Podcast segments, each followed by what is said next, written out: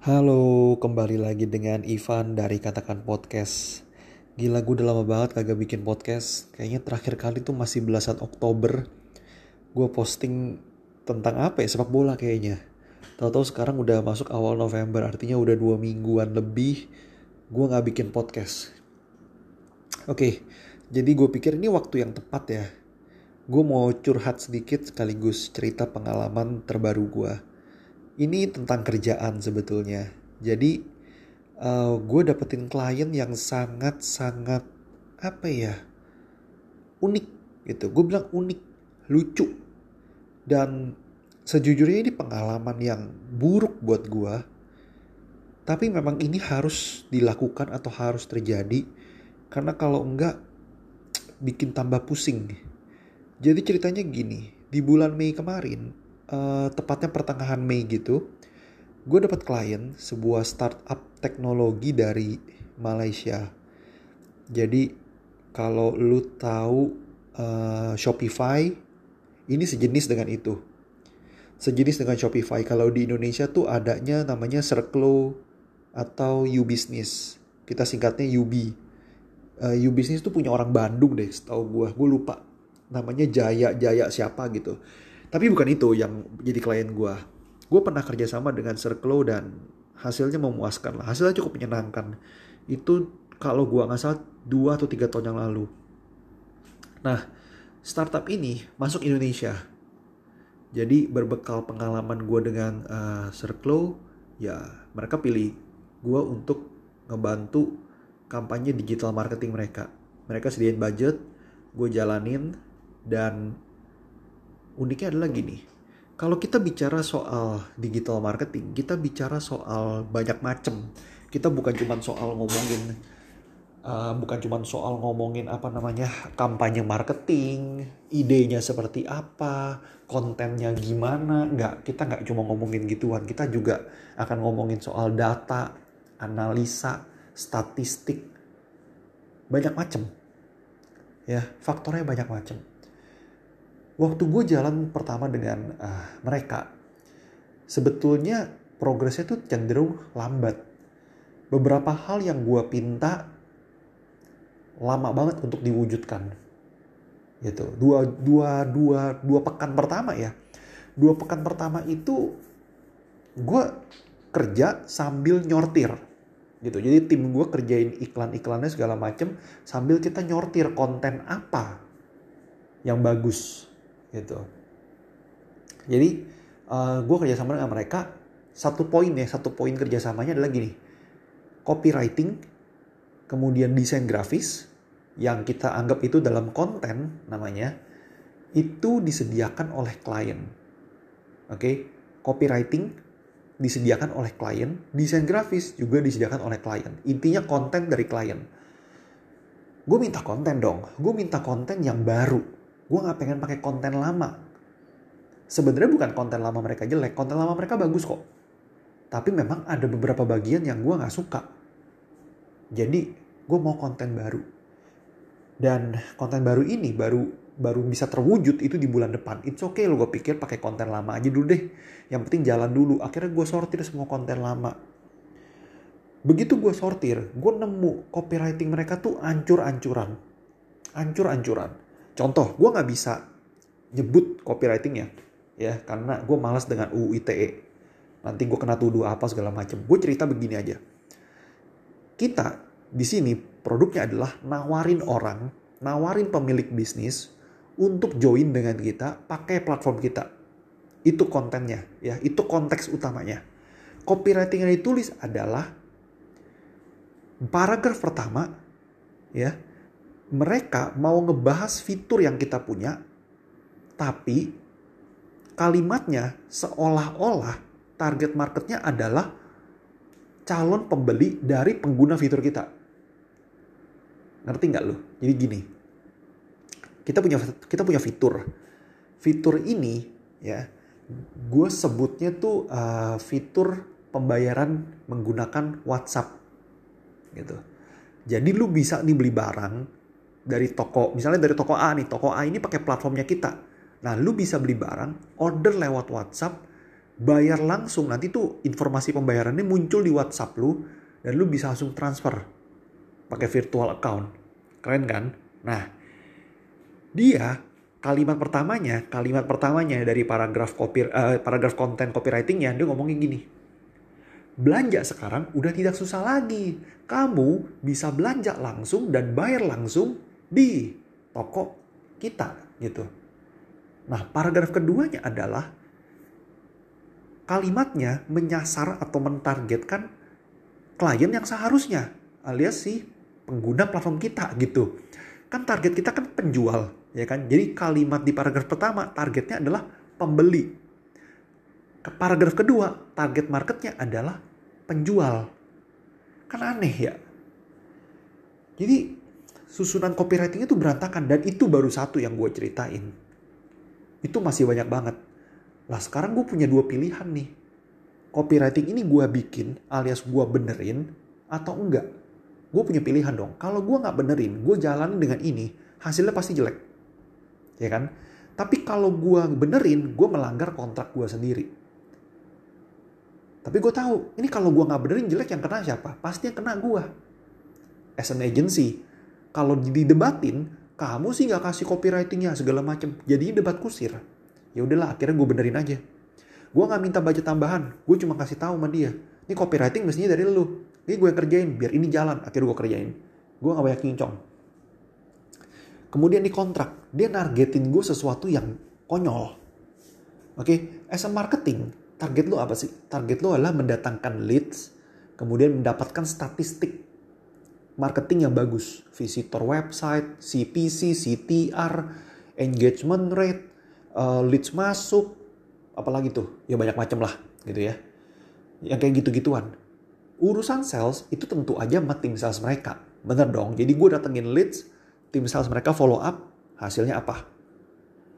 Bosnya, orang Malaysia, minta gue mencapai target penjualan 15% pikirin deh gimana caranya gue bisa mendapatkan bisa achieve target penjualan 15% gak usah ngomongin 15% ya kita ngomongin penjualan aja.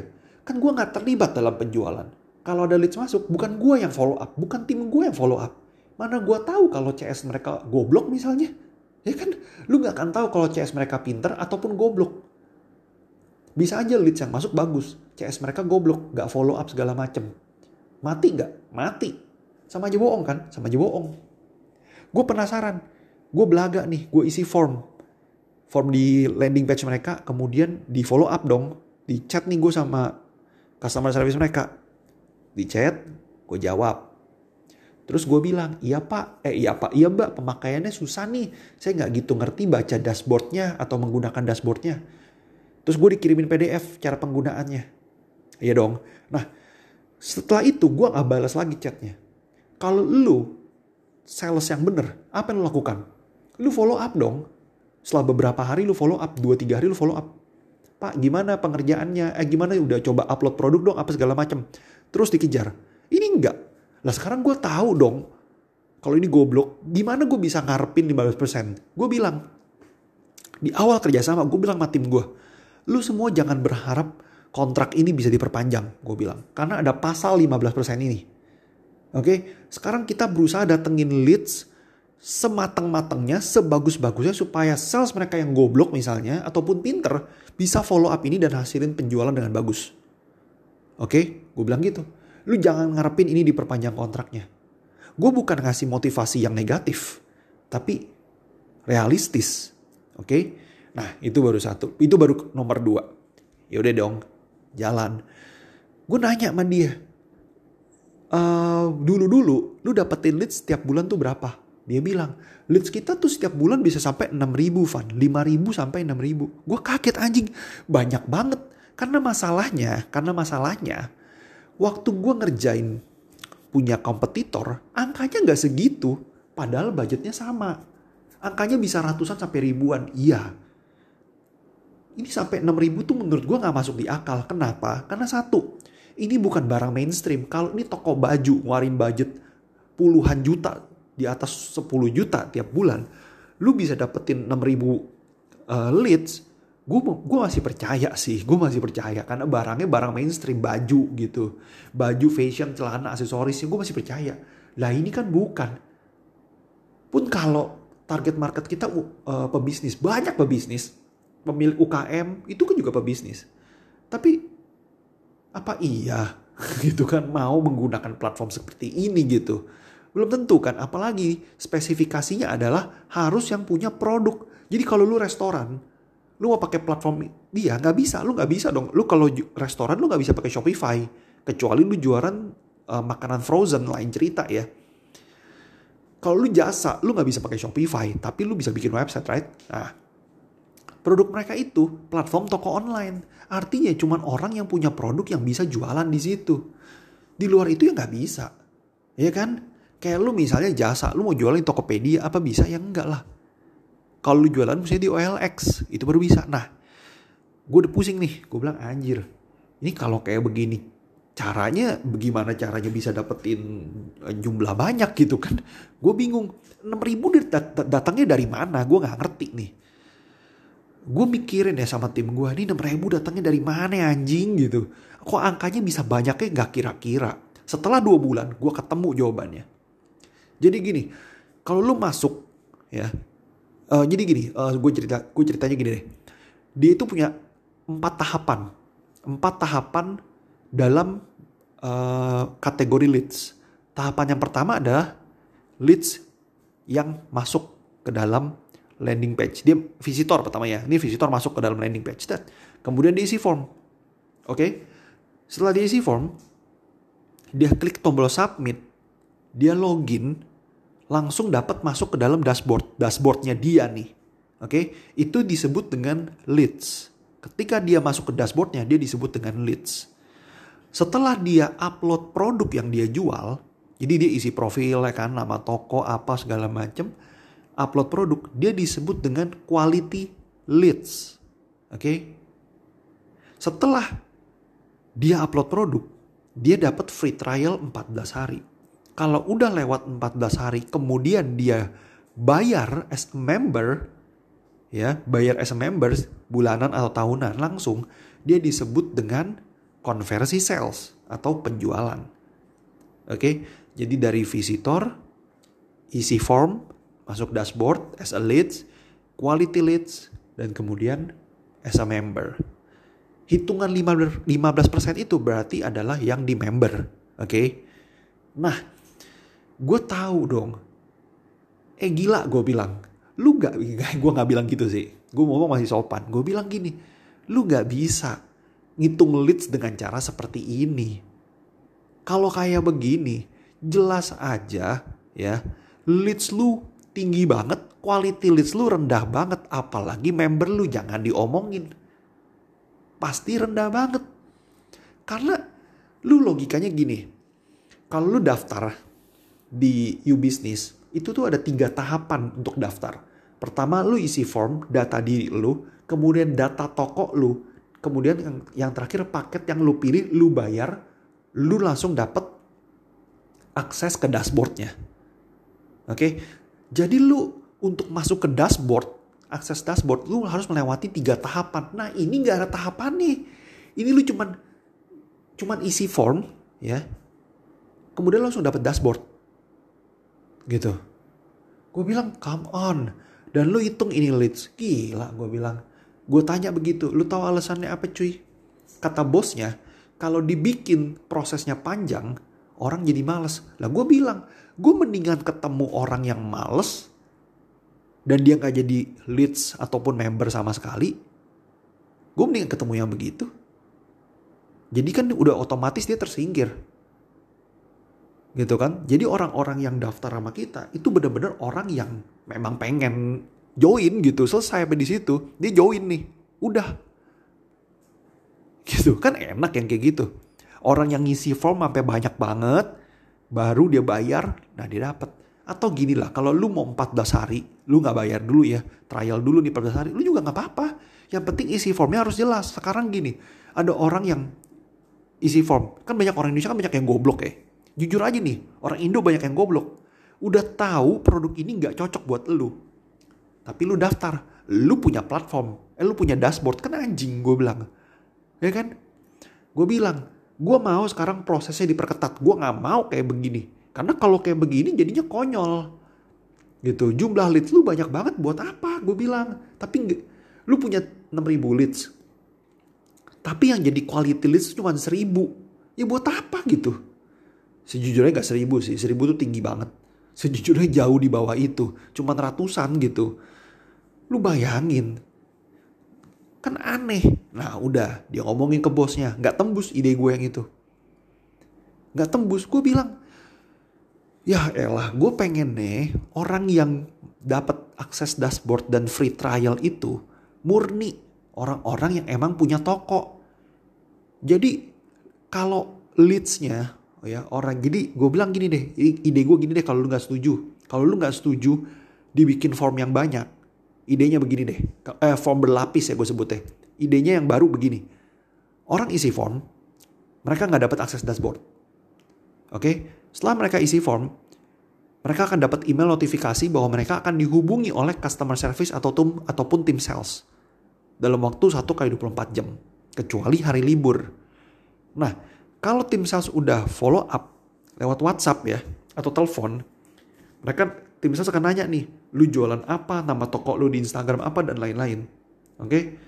Baru nanti tim sales yang menentukan lu boleh ikut free trial atau enggak. Oke? Okay? Jadi semua di tangan CS nih. You know what? Gak disetujuin. Kenapa? Karena CS-nya cuma ada 4. CS-nya cuma ada 4 dan visitor, uh, sorry, CS-nya 4 dan leads yang masuk ribuan.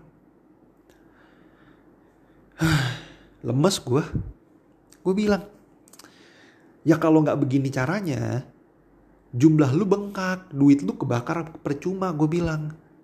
Gitu, lu bakar duit banyak-banyak buat apa kalau misalnya yang yang menggunakan dashboard lu yang menggunakan platform lu adalah orang-orang yang nggak sesuai? Kan buat apa lu bakar buang-buang duit doang kan? Gue bilang gitu. Akhirnya dia setuju. Akhirnya dia setuju. Di bulan ketiga dia setuju. Gue bilang, kita ikutin cara main ini. Oke? Okay? Kita jalanin ini. Kita jalanin, kita lihat dua minggu hasilnya kayak gimana. Dan gue kasih tahu, jumlah leads nantinya pasti akan menurun. Tapi jumlah quality leads akan meningkat. Dan jumlah member akan meningkat. Gue bilang gitu. Betul. Dulu, jumlah, eh, sorry, dulu member mereka itu konversinya 2%. Setelah kita praktekin ini jadi 5%. Which is good, right? You got a profit, oke? Okay? Ketika lu dapat profit ini bagus, ya kan? Nah, kampretnya jeng jeng jeng jeng di akhir bulan ide ini dipangkas dan dia kembali lagi ke bulan satu anjing gue bilang gue udah malas tuh gue dan tim gue tuh udah malas gue bilang anjing ini kalau gini ya kalau ide ini nggak jalan, oke okay, kita nggak nggak bawa kita nggak bawa profit gitu, ya udah, lu boleh cut lah. Tapi kan masalahnya bawa. Tapi memang jumlah, gue udah, gue udah bilang nih, jumlah leads lu akan menurun. Gak mungkin sampai 6 ribu gue bilang. 3 ribu juga gue gak yakin, gue bilang gitu langsung. Bener aja sih, yang masuk cuma 2 ribuan, 2500 something gitu.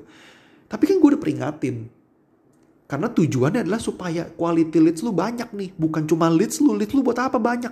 6 ribu. Tapi quality leads cuma 700 gitu. Buat apa? Iya kan? Jelek kan? Lu mau, dia gini, dia mau quality leads jumlahnya tuh 25%. Oke, bahkan dia naikin lagi, dia maunya 50%. Tapi itu gak akan terjadi kalau semua orang bisa dengan mudahnya masuk ke dashboard dan lu hitung itu leads. Gak bisa, buat apa? Mana mungkin quality leads lu jadi 50% bisa lewatin 10% aja udah untung gitu namanya. Udah bagus. Kenyataannya lu di situ-situ terus. Lu 6 ribu yang jadi quality lead cuma 60 sampai 100 ya. Kentut itu mah. Buat apa? Mau ngapain bro? Gitu. Nah udah tuh. Yang lucu adalah di bulan keempat. Dia merasa hasil kerja gue gak sesuai target Akhirnya di bulan keempat dia hire satu orang untuk ngerjain digital marketing. Gua pikir ya kita sebut namanya Joni. si Joni. Gue pikir si Joni ini nantinya tuh akan duet. Lu ngerti duet kolaborasi ya? Dengan agency untuk ngebikin ini bagus. Ternyata si Joni di hire untuk adu ilmu dengan tim gue. Konyol nggak? For the record, kalau lu nggak ngerti ya, lu kalau lu nggak ngerti dunia dunia startup bisnis zaman sekarang, dalam dunia startup teknologi di mana-mana, ini startup udah punya tim in-house. Rata-rata udah punya tim in-house untuk digital marketing atau apa pun itu. Tapi mereka masih hire agency luar untuk kolaborasi. Oke? Okay? Contoh, misalnya pengerjaan SEO. Mereka punya tim in-house, katakanlah isinya 10 orang. Tapi mereka tahu untuk bisa achieve semua target, mereka harus kerjasama dengan banyak orang. Dan banyak orang ini adalah agensi-agensi yang mereka hire. Gitu. Kebalik dengan nih orang dia malah hire si Joni untuk adu ilmu dengan tim gue kan konyol gue paling gak demen yang kayak gini gue bilang anjing lu ngapain gue pertama ngomong nih sama si Joni Jon gimana nih kita planningnya gini-gini udah udah ngomong itu tiba-tiba mungkin Joni udah ngomong nih sama bosnya nih dan dia udah tahu infonya kalau ini harus diadu Joni ngomong sama gue e, Mas Ivan kita nggak bisa nih caranya kayak gini harus dipisah eh udahlah serah lu deh lucunya dipisah itu budget gue dan budget Joni dibagi dua. Misalnya budget gue 60 juta. Ya udah bagi ke Joni 30, bagi ke gue 30. Konyol ya. Gue bilang anjing lu ngapain? Mendingan gue dan Joni sama-sama 60 juta kita bikin campaign yang sama. Dari hasil mikirnya kita. Gue bilang gitu deh. Dan satu terakhir. Ini yang paling lucu dan gue baru pertama kali ketemu klien seperti ini. Jadi lu tahu kalau di Facebook dan juga di Google, lu bisa create custom audience based on customer list yang lu punya. Oke? Okay? Dan lucunya, gue gak mendapatkan akses tersebut. Iya. Tim gue gak mendapatkan akses tersebut. Jadi gue gak bisa kelola data. Analisa data pun gue gak, gak bisa juga. Gue gak bisa lihat uh, selama ini leads yang masuk itu dari kota mana aja dan lainnya nggak bisa. Gue cuma base-nya dari Google Analytics. Kan nggak ngebantu banget dia. Gue kan pengen lihat langsung real nih, real real di Excel gitu. Siapa-siapa aja orang-orangnya datang dari kota mana aja. Nggak dapat data itu. Kemudian akses untuk custom audience pun di Facebook dan di Google gue juga nggak dapet. Jadi gue gak bisa analisa data secara lengkap dan gue gak bisa kelola data tersebut. Waktu Joni datang, gue berharap Joni bisa. Dan untungnya Joni bisa. Joni bisa kelola data karena dia pegawai in-house. Terikat kontrak. Lah padahal gue juga terikat kontrak anjing. gue ada NDA loh. Ada NDA. Di awal bulan pertama tuh gue bikin NDA. Eh sorry, dia bikin NDA buat gue dan NDA ini udah tanda tangan dua-duanya. Lu pikir aja, lucu gak tuh? Udah. Dan akhirnya, by the end of the month, akhir dari bulan keempat, kita putus kontrak. Lu tahu apa yang gue rasakan ketika putus kontrak? Gue seneng. Gue butuh duit. Duit dari mereka lumayan ya tapi rasa putus kontraknya lebih besar dari lumayan itu lo tau gak kenapa gue sebisa mungkin pengen mempunyai portfolio yang bagus. Oke? Okay? sebisa mungkin. Gue akan lakukan apa pun supaya klien gue tuh satisfied. Tapi sesuai dengan budget juga ya. Kalau budget lo kecil mau satisfied ya nggak bisa lah. Ibarat kata budget lu cuman Eh, seratus ribu lu pengen pakai jablay di Alexis yang nggak bisa lah. Kira-kira aja gitu. Nah gue pengen melakukan hal itu. Gue pengen service gue pengen uh, service mereka tuh dengan baik layanin mereka. Ya kan? Mereka kasih gue uang udah oke okay kok. Tapi cara kerjanya jangan nggak nggak begitu lah. Lu mesti support gue lu support gue gue support lu. Ini kan kerja sama dua pihak dan mereka nggak melakukan itu. Yang gue paling nyesek adalah gue gak bisa analisa data. Udah itu konyol banget. Gue gak bisa analisa data dan mereka bilang, kok makin lama leads kita makin menurun ya Van? Kalau gue boleh berkata kasar, gue ngomong kasar. Gak bisa men, etika kerja aja. Sebrengsek-brengseknya klien, lu tetap harus ngomong baik-baik aja ke dia. ya gimana kalau misalnya gue gak bisa anali, gak bisa kelola data. Orang yang ngeliat iklan gue otomatis adalah orang yang ya dia lagi dia lagi. Kalau dia udah gak suka, dia kan ngeliat terus juga. Gak bisa gue singkirkan karena gue gak bisa kelola datanya. Kalau gue bisa kelola, gue bisa bikin orang yang gak suka gak, gak usah ngeliat lagi iklan gue. Duit gue hanya untuk orang-orang yang punya potensi untuk suka. Udah selesai di situ. Konyol. Gak bisa. Tapi gimana dong? Ya udahlah. Akhirnya kita bubar. Setelah bubar, gue ngomong di grup nih. Gue ngomong di grup. Gue tulis di grup kalimat yang lumayan panjang. Gue bilang nih, gue nggak tahu bos bos gedenya dia yang orang Malaysia ini tahu dengan kondisi ini atau enggak. Gue nggak tahu. Oke, okay? gue nggak tahu. Tapi gue kasih tahu aja di grup biar bosnya baca. Gue bilang kondisinya selama kerja tuh kayak gimana. Bulan 1, bulan 2, bulan 3, bulan 4 gue kasih tahu semua. Terus gue bilang, good luck buat Joni karena Joni bisa mengolah data dan bisa analisa data sesuatu yang gak bisa gue dapatkan selama gue kerja. Kalau gue gak bisa buat apa, ya kan? Akhirnya, karena gue kesel, gue bilang gue gak suka deh dengan klien kayak gini. Kan kerjanya pakai dashboardnya mereka, ya kan? Berarti kan ada hasil kerja gue dong. Seluruh hasil kerja gue, campaign yang pernah gue buat, testing yang pernah gue buat, gue delete semua.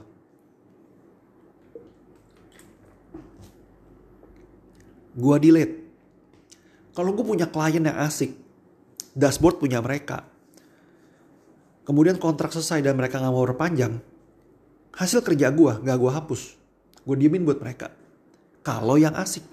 Tapi gue dapet yang gak asik. Ya gue delete aja lah semua. Mau ngapain?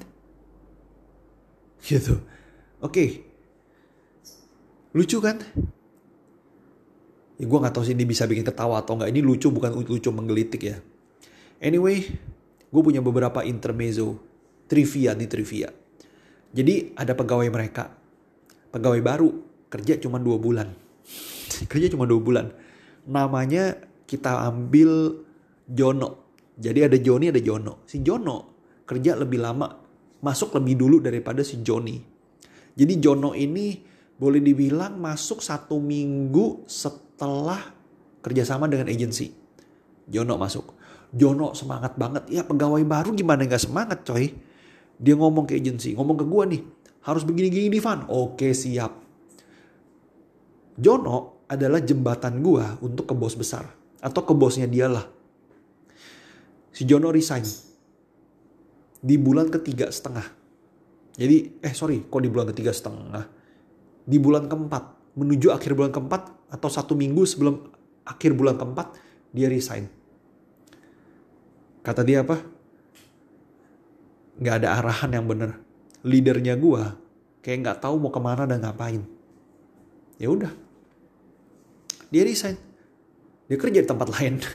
Anjing, cuma dua bulan, eh tiga bulan doang paling kerja. Gitu. Cabut dia si gila. Udah. Ada lagi nih. Trivia lagi. Fun fact lah gue bilangnya ya. Bukan trivia ya fun fact lah sorry. Fun fact jadi akun iklan mereka itu udah ada sejak November 2019 gue mulai kerja bulan Mei 2020 nah di November dan Desember 2019 itu gak ada yang kerjain sama sekali. Nggak ada yang ngoprek-ngoprek nih nih akun akunnya pokoknya ada dulu deh. Di bulan Januari ada pegawai in-house digital marketing. Gue nggak tahu namanya siapa kan belum ketemu ya. Ada nih orang yang ngerjain. Dia ngerjain cuman bulan Januari Februari Maret. Oke? Januari Februari Maret. Abis itu gue nggak tahu resign nggak tahu dipecat. Bulan April masuk agency. Bukan gue. Agensinya cuma kerja sebulan. Gua nggak tahu dia mager atau apa atau dipecat cabut putus kontrak mungkin. Baru bulan Mei masuk gua pertengahan. Kalau gue jadi bos nih gue pasti mikir. Ya, gue pasti mikir. Kenapa di area digital marketing turnover pegawainya tinggi? Ya dong, turnover pegawainya tinggi loh. Di nggak usah ngomongin digital marketing, kita ngomongin marketing secara keseluruhan. Oke, okay? si Jono marketing cabut baru tiga bulan kerja. Agency pakai dua cabut baru empat bulan dan satu bulan kerja pegawai in-house yang ngurusin digital marketing udah cabut satu. Oke, okay? berarti ada berapa tuh? Banyak kan? Lucu kan? Gue bilang geblek.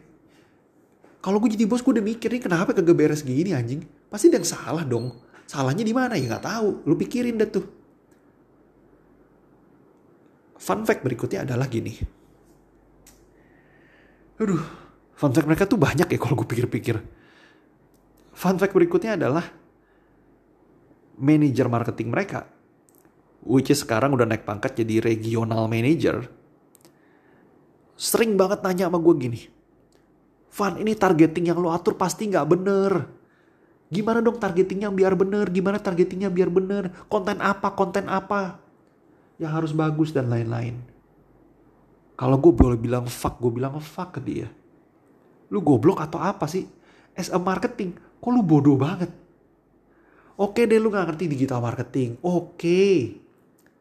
Tapi jangan terlalu bodoh lah. Akhirnya gue buka dashboard di Facebook Ads dan di Google Ads. Gue tunjukin ke depan mata dia.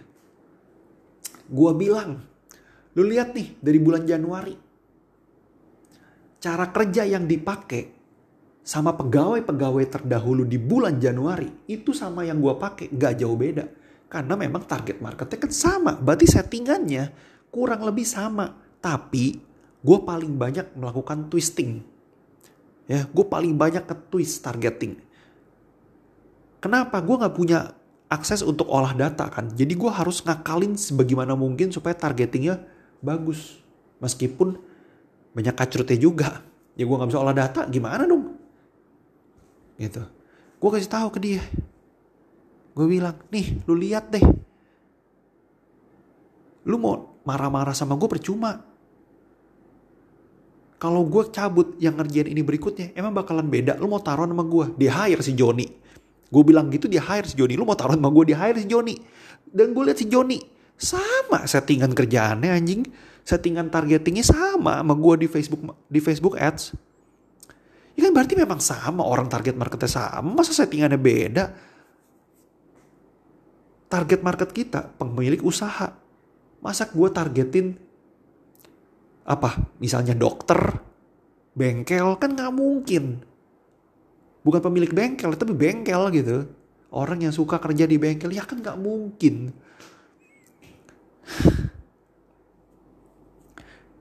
Dan gue juga satu lagi nih fun fact.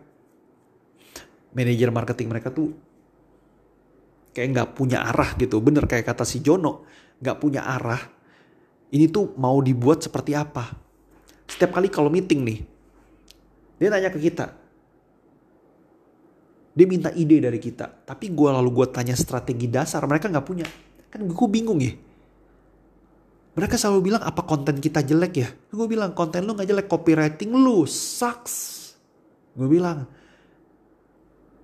Sampai akhir bulan keempat gue cabut. Copywriting copywriting asal lo tahu aja tuh harusnya kan mereka yang kerjain tetap gue yang kerjain. Ini manajer marketing nggak punya arahan gitu nggak tahu gue tuh mau ngapain sebenarnya. Have no idea. Gue udah bakar duit aja. Speechless gue bener-bener speechless. Ah udahlah udah lama kagak bikin podcast kali bikin podcast 34 menit isinya curhat lagi. Ya udahlah semoga gue nanti bisa lebih rajin lagi. Uh, dua minggu terakhir ini gue lumayan sibuk ngurusin rumah ngurusin hajatan. Ya banyak banget lah. Pokoknya see you di podcast berikutnya